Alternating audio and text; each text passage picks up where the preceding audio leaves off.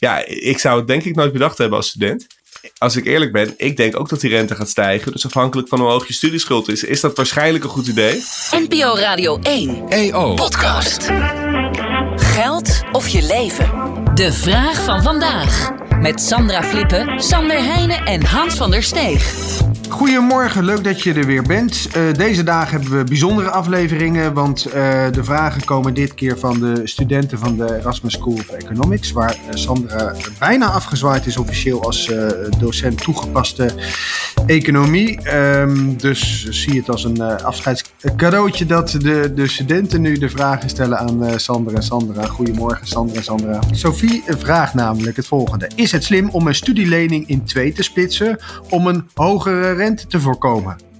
Tussen haakjes studieleningtruc. nou, toen ik ging uitzoeken wat ze precies bedoelden, want ik moest het even uitzoeken, toen moest ik wel heel erg lachen. En ik vind het niet alleen een slimme vraag, het is ook een hele bij de hand vraag op zich. Ja. Zal ik even heel kort uiteenzetten wat ze bedoelt? Want misschien is dat toch wel goed voor onze luisteraars. Hè? Dus ja, als je een studieschuld hebt, in principe bouw je schuld op terwijl je studeert. En op een gegeven moment studeer je af. En dan uh, wordt je rente vastgezet voor een periode. En dat is dan wat je terugbetaalt. En de afgelopen jaren is die rente heel laag geweest. Als je dit moment afstudeert, krijg je rente van 0,46%, zag ik. En de verwachting is, want die rente op je studieschuld is gekoppeld aan de rente die Nederland betaalt. Hè, de Nederlandse staat betaalt op overheidsleningen. De verwachting is dat die rente de komende jaren gaat oplopen. En nou is er een student die heeft ontdekt, als je nu een student monetaire economie, uh, zag ik uh, in een bericht van de NOS, Casper de, de Haas heet hij. Slim mannetje volgens mij.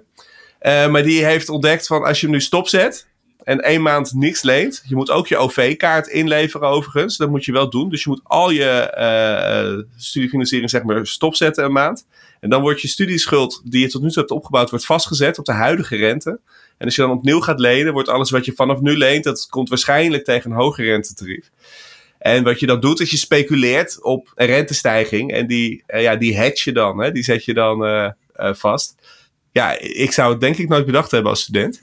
Uh, en de vraag is of dat dan een goed idee is. Ja, als ik eerlijk ben, ik denk ook dat die rente gaat stijgen. Dus afhankelijk van hoe hoog je studieschuld is, is dat waarschijnlijk een goed idee. Ik kan nog wel één tegenwerping doen. Hè? Als jij uh, elke dag van, uh, van de ene kant van het land naar de andere kant van het land moet reizen.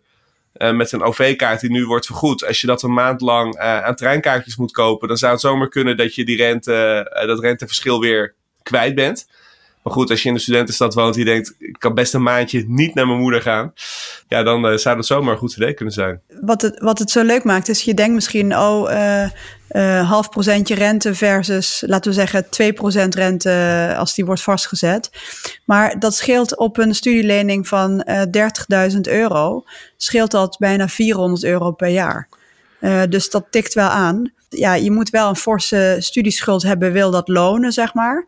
En dan is ook nog de grote vraag: gaat die rente wel echt zo uh, die kant op stijgen? Want rente voorspellen is echt heel erg moeilijk. Ik ga me er ook niet aan wagen.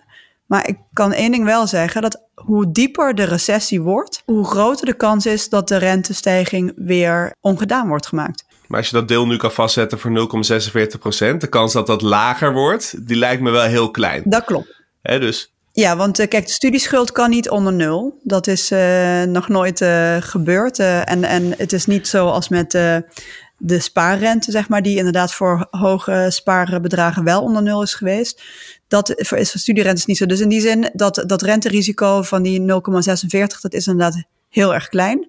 Dus dat loont de moeite. Maar daarvan is het wel zo dat ja, dat je je moet afvragen van uh, hoeveel bespaar je er echt mee. En dat hangt af van hoe hoog die schuld dan is en wat je in die maand uh, moet uh, betalen dat je die, die OV-kaart niet hebt. Ja, en ik had nog een heel andere gedachte hierbij. Hè? Dus de student die dit ontdekt heeft. Ik dacht, die moet wel, ja. het, volgens mij, het, mensen met, die dit type creativiteit hebben. Ik hoop dat hij iets uh, in de publieke sector gaat doen. Of iets, iets voor, het, voor het algemeen uh, belang. Iets voor, de, voor het grotere goed. En dat hij dit niet gaat uh, toepassen bij een of ander bureau dat mensen helpt om allerlei fiscale constructies op te zetten om uh, belastingopbrengst te ondermijnen. Maar dat is uh, even een side note. Maar dat was wel een van de eerste dingen die in mijn hoofd oppopte. Dus ik dacht, ik zal het toch even meegeven. Ja. Dus als hij luistert. nu, nu, nu, is voor mij, voor mij een aantal grijze haren en rimpels geleden dat ik studeerde. studieschuld heb ik inmiddels niet meer. Hoe, hoe is het bij jullie? Ik heb nog 7000 euro schuld. Ah, Oké. Maar ik had 30. Dus op zich, ehm, ik begon met aflossen met ergens tussen de 4 en 5 procent rente. Op een gegeven moment ging ik dus naar 0 procent. En sindsdien gaat het aflossen veel sneller. En wat je dus echt ziet, is dat ja, ik heb dus jarenlang 600 euro rente per jaar betaald. En dat is zeker als je de eerste jaren dat je werkt, is dat echt heel substantieel geld. En, Ja. en als je dat dus een beetje kan voorkomen met zo'n truc als dit. Ik had het wel fijn gevonden. Ja, In mijn tijd had het sowieso niet gekund als ik het al bedacht had. Dus, dus ja, het, het, doet er wel echt toe. Het is echt serieus geld.